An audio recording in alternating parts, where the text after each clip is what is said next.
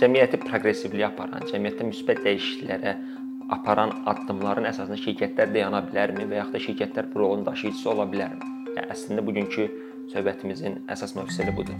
Biz nəyi görürük? Brend aktivizm son illərdə geniş vüsət alır və bu brend aktivizm nədir? Birinci onu başa düşək. Brend aktivizm ə, şirkətlərin, korporasiyaların müsbət dəyişikliyə doğru. Vacib deyil ki, bu arada bu həmişə müsbət olsun, hətta mənfi dəyişiklik də ola bilər. Dəyişikliyə doğru ə, aparmaq üçün, dəyişikliyə doğru addım atmaq üçün ə, mövqelənməsi, həmin istiqamətdə tədbirlər görməsi, məhsul buraxması və yaxud da bazarda kampaniyalar aparması və s. Bu müəyyən istiqamətlər ola bilər. Hüquqi məsələlərlə bağlı ola bilər, sosial məsələlərlə, siyasi ətraf mühitin qorunması ilə bağlı ola bilər, hətta biznes mühitinin ümumilikdə e, inkişaf etdirilməsi ilə də bağlı ola bilər.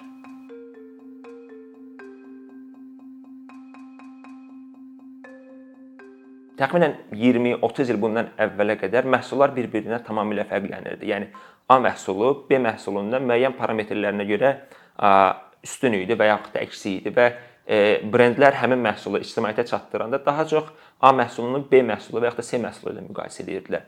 Biz nəyi görürük? Biznesdə commoditization deyə bir termin var. Yəni məhsulun belə deyək də funksion funksionallığını yox, xüsusiliyini itirilməsi və adi bir məhsula çevrilməsi. Məsəl üçün kağız ilk kəşf olunanda çox xüsusi bir məhsul idi. Digər belə deyək də yazı materiallarından tamamilə fərqlənirsə, bu gün artıq demək olar ki, bütün kağız bizim üçün eynidir. Və biz bunu digər məhsul kateqoriyalarında da görürük. Yəni 10 il, 15 il əvvəl hər hansı bir smartfon xüsusi olaraq digərlərindən fərqlənirsə, bu gün smartfonlar demək olar ki, bir-birinə bənzərdir. Və buna görə də artıq brendlər məcbur olurlar ki, başqa bir e, pozisiya e, seçsinlər bazarda və məhsulu önə çıxararaq yox, məhsulun daşıdığı dəyərləri önə çıxarsınlar. Məhsulun və şirkətin daşıdığı dəyərləri önə çıxarsınlar. Yəni marketinq miksi adlandırdığımız və marketinqin əsasını təşkil edən bu ənənəvi formada 4P adlanırdı. Sonradan 7P keçirildi. Son dövrlər bura 8-ci P, purpose, yəni məqsəd olaraq daxil edirlər ki, hər bir brendin, hər bir məhsulun müştəriyə çatdırmalı olduğu bir məqsədi var. Bu e, müəyyən mənada müştəriləri həmin məhsulu niyə digər e, rəqib məhsullar arasında seçməli olduğunu göstərir. Bunun bazarda yüzlərlə nümunəsi var. Məsəl üçün brend tutaq ki, ekoloji olaraq e, daha az zərərlidir və yaxud da işçilərinə daha yaxşı münasibət münasibət göstərir və yaxud da xam malı sadəcə yerli istehsalçılardan alır və s. Bunların hamısını görə bilirik. Şirkətlər bunu niyə eləyir? Bunu birincisi başa düşmək lazımdır. Şirkətlər üçün bu birincisi profit maximization, yəni mənfəətin maksimuma çatdırılması deməkdir. Çünki cəmiyyət artıq 4 8-ci P dediyimiz o məqsədi axtardığına görə şirkətlər də buna fokus olurlar və həmin məhsulları, həmin brendləri axtarırlar ki, orada öz dəyərlərini tapa bilsinlər və elə brendlərə üstünlük verirlər ki, həmin brendlərin hər hansı bir məsələ ilə bağlı mövqeyi var. Vacib deyil ki, brend, e, şirkət, korporasiya bütün məsələlərlə bağlı mövqeyi ortaya qoysun. Amma ə, e, onlar üçün vacib olan və yaxud da həmin istehsalçının istehsal prosesinə, satış prosesinə təsir edəcək məsələlərlə bağlı mövqe ortaya qoyan brendlərə üstünlük verilir. Belə bir yanaşma olduğuna görə ə, e, şirkətlər də buna üstünlük verirlər. Bundan əlavə bir şey də vurğulamaq lazım ki, bəzən elə brendlər vardır ki, heç bir gəliri olmadığı halda belə o istiqamətdə addımlar artır. Buna e, xüsusilə də e, şirkətin yaradıcısının və yaxud da şirkətin idarə heyətindəki o vision dediyimiz o e, uzaq görənliyi və yaxud da o insani keyfiyyətlərin yüksək olması buna gətirib çıxara bilər. Amma bir çox hallarda bunun əsasına dayanan məsələ şirkətlərin öz gəlirlərini, öz mənfəətini maksimuma çatdırması olur. Bunun da əsas səbəbi nədir? İnsanlar elə şirkətlərə, elə brendlərə üstünlük verirlər deyə brendlər də məcbur olub bu e, istiqamətdə addımlar atırlar. Bir şey də vurğulayım ki, yəni bu məsələ yeni bir məsələ deyil. Yəni son 10-15 ildə olan bir məsələ deyil. Sadəcə sosial medianın həyatımıza girməyi, e, e, birbaşa kommunikasiyanın artması bunu bizim üçün daha e, göz qabağında edir. Amma 30-cu illərdə, 40-cı illərdə biz görürdük ki, ABŞ-da feminizm hərəkatı yüksəliş keçirdikdə siqaret istehsalçıları artıq öz kommunikasiyasında qadınlara ağırlıq verməklə siqaret çəkməyin məsəl üçün bir qadın azadlığı olduğunu vurğulamağa çalışırdılar. Və bu da müəyyən mənada həmin dövr üçün bir brend aktivizmi sayılırdı. Cəmiyyət yəni həmin e, ehtiyacları var idi və həmin ehtiyaclara uyğun brend addımlar atırdılar. Biz nəyin həmişə şahidi oluruq? E, brendlər e, adətən risk götürmürlər.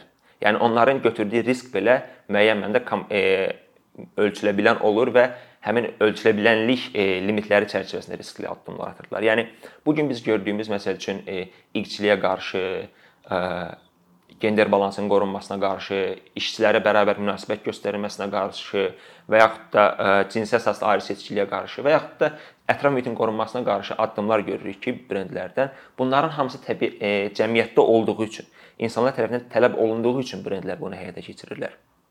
İnsanlar bunu niyə tələb edir? O məsələyə baxmaq lazımdır. Bir çox ə, belə deyək də aktivistlər, xüsusilə siyasi e, və sosial yönlü aktivistlər fikirləşirlər ki, konsumerizm, yəni istehlakçılıq insanları bir həyat həyatın bir hissəsinə çevrilib və buna görə də insanlar brendlərdə də həmin dəyərləri axtarırlar. Psixoloji və sosioloji yanaşmalarda bəzi maraqlı detallar var. Məsəl üçün bəzi sosioloqlar hesab edir ki, və xüsusilə də aktivist olanlar hesab edir ki, insanlar əgər bu dəyərləri brenddə görürlərsə və onu istehlak etdiklərini düşünürlərsə, deməli onlar öz məsuliyyətlərini icra etdiklərini qərarına gəlirlər. Yəni nümunə verək, bizim heç birimiz belə deyək də sənayeləşmiş yeyintidən, sənayeləşmiş istehsaldan kənarlaşa bilmirik. Bu gün geyindiyimiz paltar, qəbul etdiyimiz qida hamısı bir sənayenin tərkib hissəsidir və bu sənaye hər nə qədər biz inkar etsək də təbiətə ciddi şəkildə ziyan vurur. Yəni 7 milyard insanın e, e, doyuzdurmaq, geyindirmək e, təbiətə ciddi ziyan vurur. Su resurslarına, torpaq resurslarına və s. Amma biz görəndə ki, e, qəbul etdiyimiz qidanın, geyindiyimiz paltarın üstündə yazılıb ki, bu məhsul təbiətə ziyan vurulmadan qəbul edilib, biz bir növ özümüzü rahatlaşdırmış oluruq. Yəni biz düşünürük ki, art, okey, mən artıq öz üzərimə düşən vəzifəni icra etmişəm. Və buna görə də özümüzü rahatlaşdırmış oluruq və öz məsuliyyətimizi bir növ boynumuzdan ataraq şirkətlərin üzərinə yükləyirik.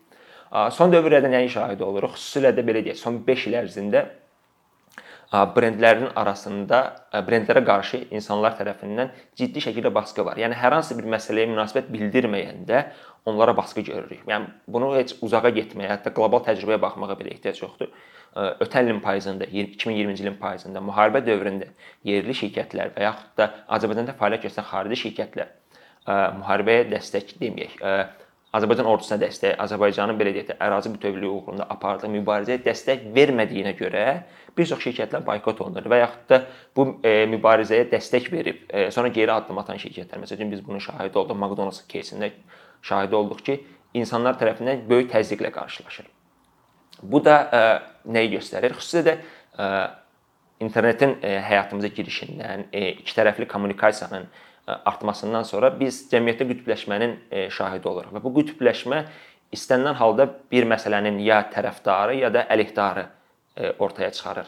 Ən yaxşı nümunələrindən biri 2018-ci ildə Nike-nin Colin Kaepernickin, yəni ABŞ himni səslənən zaman diz çökən və irqi ayrı seçkilə etiraz edən atlet Colin Kaepernicki özünün Just Do It kampaniyasını, yəni belə deyək, Nike marketinqinin əsasına dayanan Just Do It kampaniyasının 20 illik münasibətlə çəkdiyi reklamın mərkəzinə qoymasıdır. Və bu çox böyük narazılıq yaratdı. Xüsusilə də belə deyək də konservativ e, deyəcəm burada, çünki həmin insanlar başqa cür adlandıra bilmirəm, qruplaşdıra bilmirəm. E, bu məsələdə daha konservativ olanlar şirkəti boykot etməyə, məhsullarını yandırmağa, məhsullarını almamağa çağırdılar.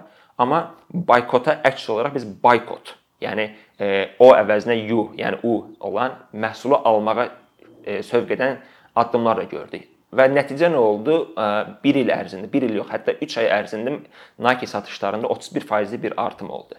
Yəni insanlar e, cəmiyyətdəki qütbləşmə brendlərə təsir edir, brendlərin yanaşmasına təsir edir və bu yanaşmanın bir də əks təsiri olur e, ya boykotla və yaxud da alışa sövq etməklə. Yəni biz McDonald's nümunəsində də bunun şahidi olmuşduq. Belə olan halda yəni biz məsuliyyətli alıcı və yaxud da savadlı alıcı demək istəyirəm, məlumatlı alıcı, məlumatlı istehlakçı şirkətlərə, korporasiyalara inanmalıdırmı deyə bir sual yaranır. Biz nəyi görürük? Son 10 il ərzində, hətta son 5 il ərzində xüsusilə desək, məhsullar artıq reklam olunmur. Böyük e, reklam kampaniyalarının əksəriyyətində dəyərlər və e, şirkətin daşıdığı e, missiya dayanır. Belə olan halda biz həmin şirkətlərə inanmalıyıq yoxsa yox? Məsəl üçün, A məhsulu deyək ki, cinsi bərabərliyi e, təşviq edir, onu reklam edir, əsas onu kommunikasiya edir. B məhsulu isə e, belə deyək də bir növ artıq arxaikləşmiş və yaxud da 60-cı, 70-ci, 80-ci illərə dayanan e, cinsi stereotiplərə əsaslanır. Yəni bunun şahidi oluruq. İstehlakçıların bəziləri A məhsulunu seçir, bəzisi B məhsulunu seçir. Amma bir şeyi nəzərə almaq lazımdır ki, bir çox hallarda qlobal brendlərin, yəni biz e, böyük bazara, dünya bazarına baxsaq görərik ki, bir çox brendlər e, bir və yaxud da iki şirkət, yəni müəyyən bazarda bir və yaxud da iki şirkət tərəfindən sahiblənir. Məsəl üçün bunun nümunəsini görmək. Unilever bir brendi üçün kommunikasiyada dediyim kimi xüsusi bir dəyəri diqqət mərkəzinə çəkirsə, başqa bir brendi üçün nisbətən daha ənənəvi kampaniya növünü seçir və hər iki brend əslində Unilever-ə məxsusdur. Yəni burada biz təzadı görürük. O zaman belə sual yaranır ki, biz şirkətlərə inanmalıyıqmı yoxsa yox? Bunun ən yaxşı nümunələrindən biri 2015-16-cı illərdə ABŞ senatoru e, Sheldon'ın e, ExxonMobil-ə qarşı olan belə deyək də tə təhqiqatları oldu. Həmin təhqiqatlarda biz nəyə şahid oluruq? O e, məlumatlarla, faktlarla göstərir ki, ExxonMobil dayanıqlı texnologiyanın, dayanıqlı enerjinin istehsalına sərf etdiyi investisiya əslində onun green və yaxud da yaşıl şirkət kimi görünməsinə sərf etdiyi investisiyadan daha azdır. Yəni şirkət faktiki olaraq yenilənə bilən enerji istehsalına daha az investisiya edir, nəinki həmin o investisiyanı reklam etməyə. Yəni belə olan halda biz şirkətlərə əslində inanmamalıyıq. Yəni müştəri olaraq şirkətin dediyi hər bir şeyə inanmamaq lazımdır. Və yaxud da başqa bir nümunə göstərim sizə fast fashion dediyimiz e, sürətli yenilənən e, geyim növləri var. Məsələn, Zara, H&M və yaxud da bir çox belə başqa istehsalçı var. Bir çox araşdırmalar göstərir ki, etiketlərin üzərində yazılan e, bu ətraf mühitlə bağlı olan qeydlər var. Məsələn, etiketin üzərində yazılır ki, bu məhsul, yəni məhsul olaraq yazılmır, amma ingilis dilində yazılan formasını tərcümə edeyim. Qeyd olunur ki, recycle olunan, yəni yenidən istehsal olunan materiallardan hazırlanır və müştəri də həmin məhsul alanda etiketə baxır və düşünür ki, bəli, məhsul yenidən e, istehsal olunan, yəni təkrar istehsala gedən e, materiallardan hazırlanıb. Halbuki həmin e, belə deyək də not, həmin e, detal sadəcə etiketə məxsusdur. Yəni paltara heç bir aidiyyatı yoxdur. Bununla bağlı çox maraqlı araşdırmalar var. E, konsumerizm, yəni belə deyək də istehlakçılarla, istehlakçı mədəniyyəti ilə e, mövcud kapitalist sistem arasındakı uyuşmazlığı e, göstərən bir çox araşdırmalar var. Və bir şey də demək lazımdır ki, həqiqətən cəmiyyətdə e, cəmiyyətin ümumi inkişafını aparan brend aktivizminə çox düzgün formada məşğul olan brendlər də var. İstər bu deyək ki, təbiətin qorunmasında olsun, istər olsun ki, cinsi ayrı-seçkiliyi aradan qaldırmaq olsun, bu hüquqi məsələlərlə bağlı ola bilər, e, işçilərin e, həyat səviyyəsinin yüksəldilməsi ilə bağlı ola bilər. Yəni bunu düzgün edən şirkətlər də var, çox e, yalançı formada edən şirkətlər də var. Yəni biz bunu həm yerli bazarda da görə bilərik, həm xarici bazarda da görə bilərik. Burada müəyyən mənada məsuliyyət artıq həmin kapitalist sistemin əsas iştirakçı olan şirkətlərdən, korporasiyalardan müştərinin üzərinə düşür. Məsəl üçün belə platformalar var. Yəni telefon tətbiqləri var ki, e, barkodu skan eləyir tətbiq və e, istehlakçıya bildirir ki, bu məhsulu istehsal edən şirkət öz işçilərinə bərabər ödəniş eləyirmi? Yəni cinsi əsaslı ayrı seçkilik eləyirmi yoxsa yox?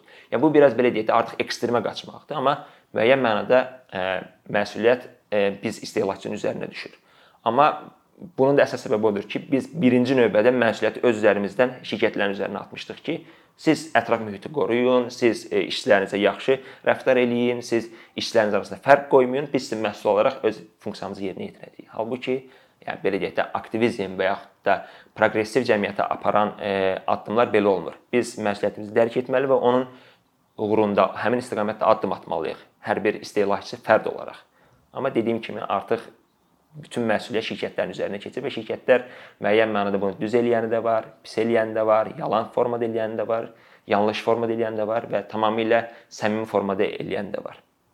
Çünki istənilən halda həmin addımlar, həmin nəticələr şirkətin mənfəətinin azalmasına da gətirib çıxara bilər, artmasına da gətirib çıxara bilər. Bir çox hallarda şirkətlər üstünlük verirlər ki, atdıqları addımlar böyük risk doğurmasın.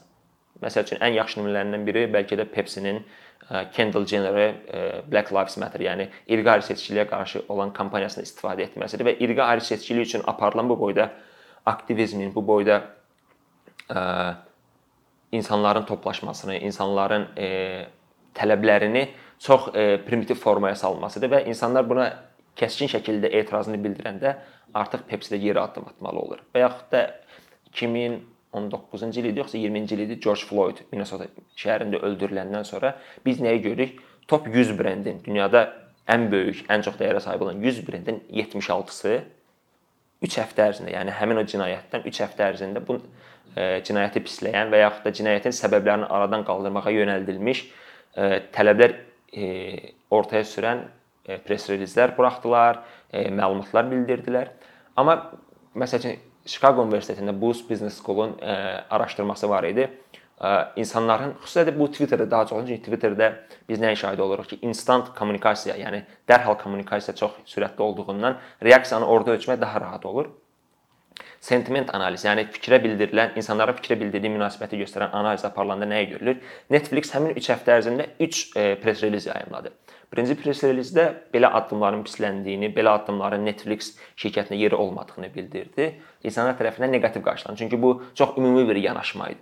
İkinci addımda, e, ikinci press release-də Netflix bildirirdi ki, biz e, bununla mübarizə aparmaq üçün dəstək olacağıq, müəyyən qədər resursumuz, maliyyə resursumuzu ayıracağıq və s. Bu da neqativ qarşılanmalı, çünki qeyri-müəyyənlik daşıyırdı. İnsanlar artıq konkretlik görmək istəyirlər. Üçüncü press release səhv eləmirəmsə 17 gün yoxsa 16 gün sonra yayımlanmışdı. Həmin press release yayımlandıqda artıq konkret məbləğ bildirilmişdi ki, növbəti e, konkret müddət ərzində 100 milyon dollar Netflix şirkəti bu e, problemin aradan qaldırılması üçün e, qaradərli icmalara e, dəstək olmaq üçün ayıracaq. Artıq həmin vaxt biz nəyi gördük? Ümumi sentiment analizində e, neqativ e, fikirlərin, cəmiyyətin neqativ reaksiyasının pozitivə doğru dəyişdiyini gördük. E, deməli insanlarda məsuliyyət var və məsuliyyətini dərk edirlər.